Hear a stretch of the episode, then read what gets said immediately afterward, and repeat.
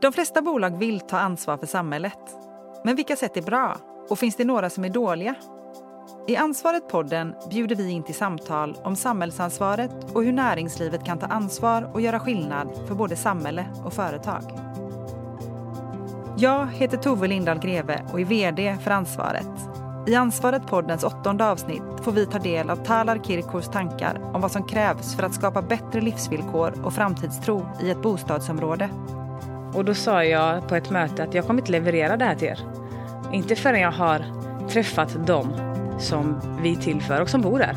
De ska tala om för mig hur våra verksamhetsplaner ska se ut och hur våra budget ska se ut, inte jag.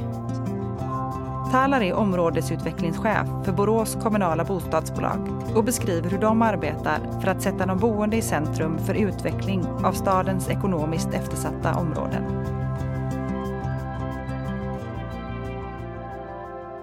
Stort välkommen och tack för att du är här.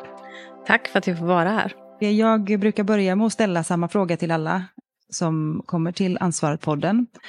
Och det handlar lite om att förstå hur du definierar det vi ska prata om här mm. idag. Och den frågan är, vad är samhällsansvaret enligt dig? Många olika parter, eller de flesta, har ett samhällsansvar tillsammans. Så samhällsansvar för mig är väl att alla är med och inkluderade på något vis. Jag tänker att ett samhällsansvar ligger inte bara på myndigheter och eh, tjänstemän och kommunen och, utan företag och massa andra faktorer och människor runt omkring som jobbar med olika saker har också ett samhällsansvar. Så man måste liksom kroka arm, både högt, lågt, brett, mm. höger, vänster. Mm. Vi behöver ta det ansvaret tillsammans.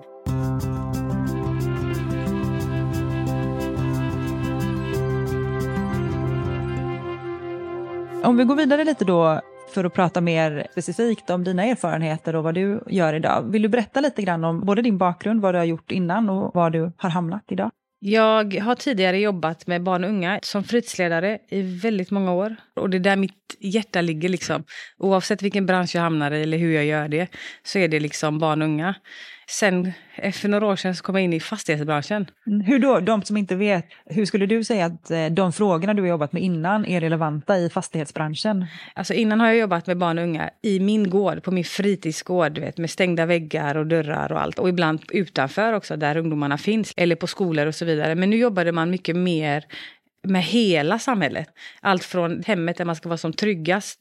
Jag visste inte ens att fastighetsbranschen jobbade med de här frågorna, de sociala frågorna. Att man jobbade med liksom läxhjälp. Man tog ett samhällsansvar helt enkelt. Och då var det alla som bodde hos oss. Men fokus är ju de unga fortfarande. Det är mm. de aktiviteter som man gör som fastighetsbolag. Det rör ju de unga, unga vuxna eller föräldrarna. Men det blir liksom hela paketet på något vis. Mm. Så det fanns en charm i det. Man jobbade med alla. För det kan man sakna ibland på fritidsgårdarna. Föräldrarna fanns inte med kanske i bilden. Här hade man alla redan. För det öppnade upp som sagt en helt ny värld för mig. Mm. Eh, sen dess har jag varit i fastighetsbranschen och idag jobbar jag på bostäder i Borås som eh, jag har en jättelång titel som heter områdesutvecklingschef. Mitt ansvar innebär att när jag fick tjänsten i Borås så har man ju två särskilt utsatta områden. Mm. Jag brukar säga unika områden. Jag är uppväxt mm. själv i Bergsjön och eh, älskar mitt område. Det är den tryggaste platsen på jorden för mig. Tycker om mina grannar, tycker om livet mellan husen. Alltså det är helt fantastiskt. Du har svårt att känna att det är ett utsatt område? Ja, jag känner mig inte så utsatt. Liksom. Nej, nej. Och jag kan relatera till att om man bor på Norrby eller Essle så älskar man sitt område också. Det är liksom en identitet på något vis. Mm. Och då tror jag inte att de känner sig så utsatta. Jag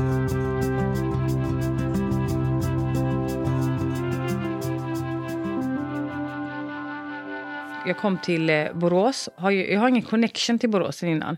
Väldigt annorlunda från Bergsjön ja, där du för där har är vuxit liksom, upp. Där, exakt, där jag, liksom, ja, men jag kan gå på gården och en av papporna som säger ja min dotter, för de har sett mig växa upp sen jag var barn. Liksom. Så det var det som var det häftiga med att jobba i Bergsjön. Sen skulle jag till Borås där jag verkligen känner noll personer. Men eh, jag, jag som person är väldigt mycket så här att jag träffar människorna som bor på området och de visar mig sitt Norrby. De visar mig sitt Hässleholmen. Så det var det första jag gjorde. Jag ringde runt, hittade olika personer. Eh, men du vet, det finns alltid en mamma i området. Så jag hittade mamman i området och så sa jag, hej kan du visa mig ditt område? Och när du säger mamman i området så är det någon stark ja, representant stark för kvinna området? kvinna i området som liksom känns som mamman för alla. Liksom. Följ med, visa mig runt typ. Träffa en annan ung kille som visar mig runt och träffa några andra föreningar för att de ska visa mig sitt hem. Mm. För det är oftast någon annan som visar mig, som ska prata om deras hem. Så jag ville se det från deras perspektiv.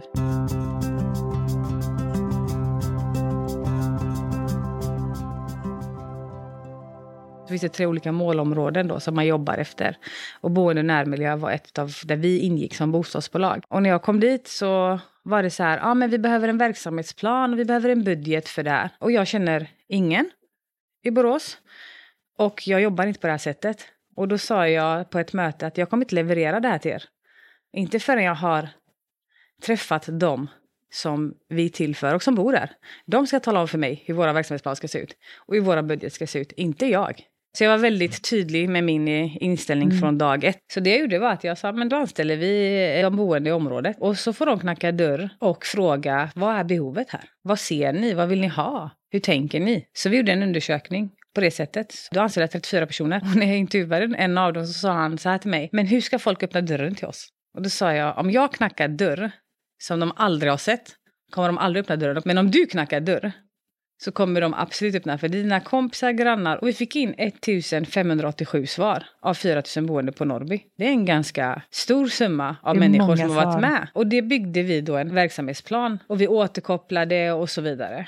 Man kunde svara, alltså det var via en iPad och så var det mm. liksom frågor utifrån olika teman. Inre och yttre miljön då, hur man bor inne och hur man bor utanför. Och eh, det var även fritidsutbudet i området och arbetstillfällen. Och, och sen var det så man kunde fylla i via den här iPaden. Man kunde svara jättelångt om man ville. Det fanns frisvar till allt. Sen så var det också så att det var väldigt många med olika språk. Och mm. hade vi inte ett språk så såg vi till att det fanns. Så vi ringde vi någon granne och sa hej kan du komma och hjälpa ja, till? Ja. Så. Och så har vi gjort samma resa på Hässleholmen nu. Där vi fick in, eh, och det här är unikt, vi fick in 4100 svar. 4100 svar? Mm på Hässleholmen av 7800 boende. Så då har vi använt metoden som vi tycker fungerar. Att fråga och inkludera och involvera de som bor i området. Och det är det jag jobbar med, det är mitt sätt att jobba. Eh, jag gör ingenting i ett område om inte jag pratar med de som bor där. Jag kommer från ett område där man aldrig frågar, man antar att vi är utsatta. Så om vi börjar inkludera och fråga, då får alla vara med och ta det här samhällsansvaret. Knacka dörr gör man ofta i fastighetsbolagen. Alltså så att vi går ut och knackar dörr och frågar eller berättar om olika saker. Så det är en vanlig metod, så det är inget unikt. Men det som blev påtagligt här var att vi anställde våra egna hyresgäster gjorde det. De jobbade på dagarna och så kunde de jobba kvällar eller ja, helger. Ja. Ett extrajobb. För vi har varit väldigt långt ifrån kunden ganska länge. Så mm. vi vet ju vad mer än hälften på Hässleholmen vill att vi ska göra. De har också svar på vad de tycker att fritid och folkhälsa ska göra. Så det är vi många parter som behöver titta på det här dokumentet.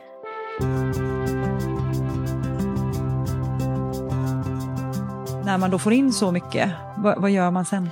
Det vi har gjort på Norrby just nu är ju att vi har eh, olika arbetsgrupper med boende i, tillsammans med tjänstemän där man sitter runt bordet ihop och diskuterar utifrån temat skola eller inre miljö eller yttre miljö. Och så börjar man göra insatser på området ihop. Och då är det civilsamhället, invånarna och tjänstemännen som jobbar tillsammans för att göra detta till verkstad. Och sen har vi skjutit in medel, alltså verksamhetsmedel, som de styr över i de här mm. grupperna. Så vi byggde liksom en områdesutvecklingsmodell för detta, så att alla får vara med hela tiden.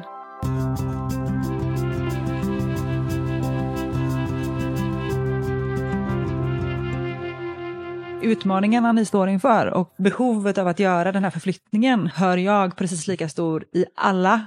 Det är ju inte unikt för Borås att behöva göra den här resan. Men om man tänker Borås så är det väldigt liten stad. Mm. Och med redan två sådana områden på väldigt få invånare så är det ju ganska stort problem i staden i sig. Och det är ju det som har, jag tror gjort att man till slut sagt men nu måste vi göra någonting åt det. Och då har man liksom inte kanske vetat exakt hur man ska göra. Det finns ju många förvaltningar i Borås som jobbar mot social hållbart Borås. Men det spelar ingen roll om jag och du går dit och gör massa roliga saker. Mm.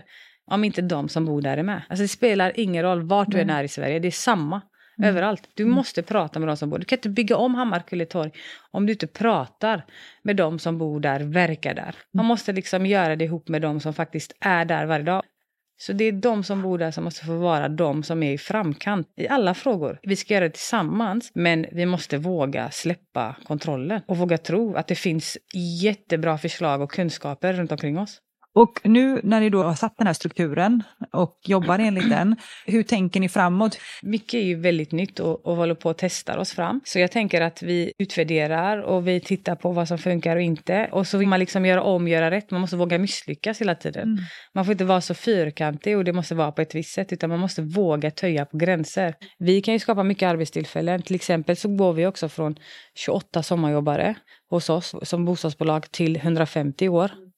Bara det är en insats i sig att göra. När jag jobbade i Bergsjön så gick vi från 15 sommarjobbare till 281 när jag jobbade där. Jag vet vad den effekten ger, liksom. att ge eh, människor, människors barn jobb. Eh, vi vill ju också kunna titta på, funkar det här? Har vi kommit någonstans liksom? För det är också så, det är väldigt viktigt. För jag menar, om den här modellen skulle funka, lek med tanken bara att om det skulle funka. Perfekt. För jag älskar klippa och klistra. Det är det bästa jag vet. Typ. Finns det någonting som funkar någon annanstans, varför ska vi hålla på och börja om? Utan då tar vi det, testar vi det. Och så kanske vi gör det till Boråsaktigt då. Om det är det det behövs liksom. Men så, så jag tänker att det här skulle kunna vara någonting som fler skulle kunna ta lärdom av eller göra samma. Ja. Eh. Hur jobbar man med att få med alla på tåget utan att allt för många tror att de kommer få vara med i varenda beslut. Hur, hur har ni jobbat med den förväntansnivån? Alltså vi har varit väldigt transparenta eh, redan från början. Det är liksom är, den här satsningen kommer vi göra, det är under den här tiden. Sen har vi varit väldigt tydliga också till exempel att eh, nu har vi fått in jättemycket svar här. Så det är också så här, vi har tagit åt oss ett åtagande som vi måste göra nu. Vi kan inte liksom bara, ja ah, men eh, vad bra, det var jättekul att ni tyckte att tvättstugorna rustas upp. Och så gör vi liksom ingenting. Så vi har ju också bestämt oss från början att när vi ställer frågor så ska vi kunna leva upp till dem nu.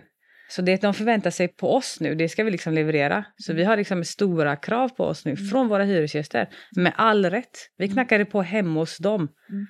Mm. Så då, de svarar på frågor som vi ville ha. Så det mm. betyder att vi måste leverera. Ja, man måste återkoppla till människor. Ja. Man, måste liksom, mm. man kan inte bara knacka på dörren hemma hos någon eller bara ställa sig och fråga frågor och sen vara helt tyst. Man måste, man måste återkoppla. Mm. Man måste, liksom, eh, man måste ha en dialog.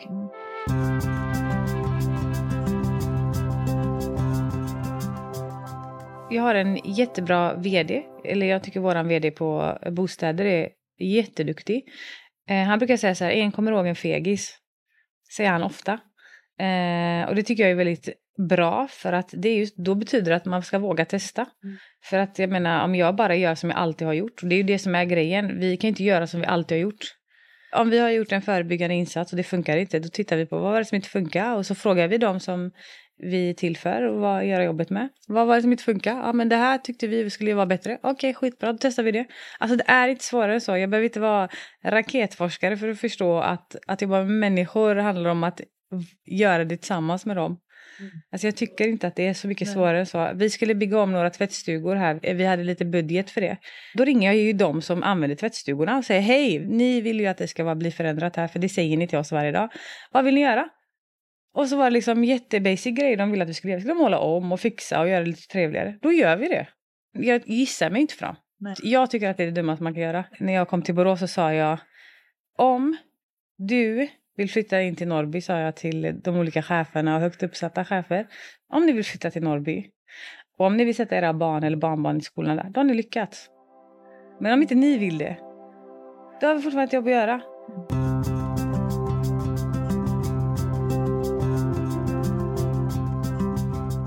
Du sa förut att du har en bra vd. Finns det fler framgångsfaktorer som du ser det i det sammanhanget du är nu, i det jobbet du har nu? Framgångsfaktorerna skulle jag säga är bara att man har sagt och bestämt sig att man ska göra någonting åt det. Och att man då faktiskt vågar gå utanför ramarna mm. och ta med sig de som bor där och sätter dem i framkant. Mm. Det är framgångsfaktorer i sig. Mm. Vi kommer ju starta så här referensgrupper. Så om vi ska göra nya grejer på våra gårdar eller med våra fastigheter så träffar vi de här grupperna av människor som vill vara med. Så det kommer inte vara så att vi ja, väljer du vet, den där eldsjälen som alltid är med. Utan alla ska få chansen att vara med. Mm. Och diskutera med dem. Så att det blir från de som bor där, som mm. vet hur de vill ha sitt område. Mm. Jag tror att, att öppna upp och vara sådär lyhörd till saker är en framgångsfaktor i sig.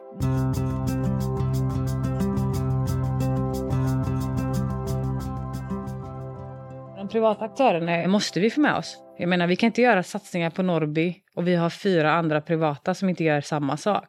Så någonstans så måste vi kroka arm med de privata för att göra ihop. Kan inte klippa gräs på våra sida av gräsmattan och de inte. Hyresgästen bryr sig inte om om det är våra mark eller inte. Nej. De ser det bara som ett. Mm.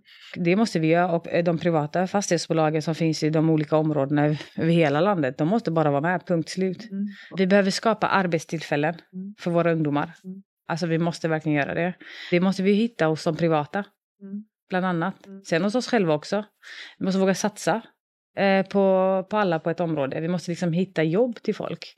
Eh, jag hade en idé om att göra en eh, kartläggning på individnivå. Så om någon hör detta, gör det bara. Gör en handlingsplan för varje person. För jag tror inte det är så många på ett område som sitter helt arbetslösa. Nej. Utan det är inte så många. Och så om man gör de insatserna, då har man ju liksom helt plötsligt gått från att många föräldrar har precis fått, för folk vill ha jobb, alltså de skriker efter jobb. Jag träffar dagligen någon som vill ha ett jobb mm. på Norrby, mm. eller på Hässle, eller i Borås överhuvudtaget, eller i Bergsjön när jag går till min mamma, eller var jag än är. Mm. Så är det någon som vill ha ett jobb. Det ringde en igår och vill ha ett jobb. Alltså det finns alltid någon som vill ha ett jobb, så då måste vi hitta arbetstillfällen och det kan vi göra på de privata sektorerna och de måste liksom sänka sina krav lite. Måste börja jobba mer ta det här samhällsansvaret och försöka få in och öppna upp dörrar för mm. även i den privatsektorn. Mm.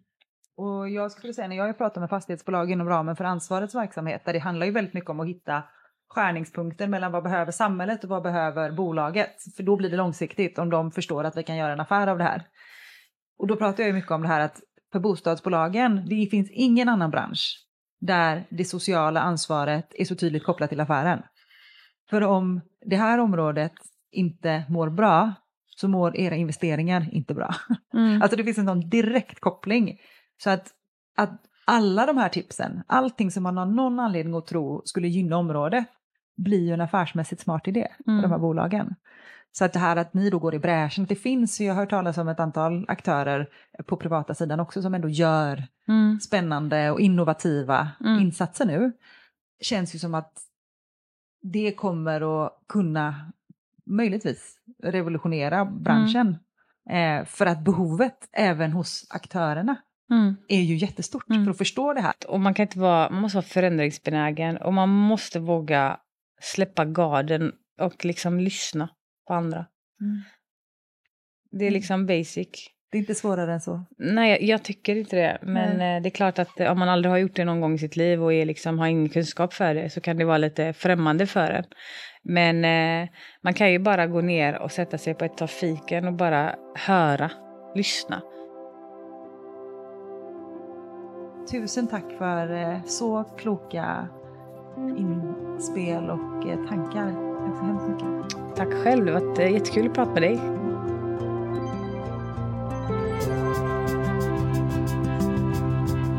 Detta avsnitt av Ansvaret-podden producerades 2023 av Ansvaret AB. Musik, klippning, mix och master av Ostron Records.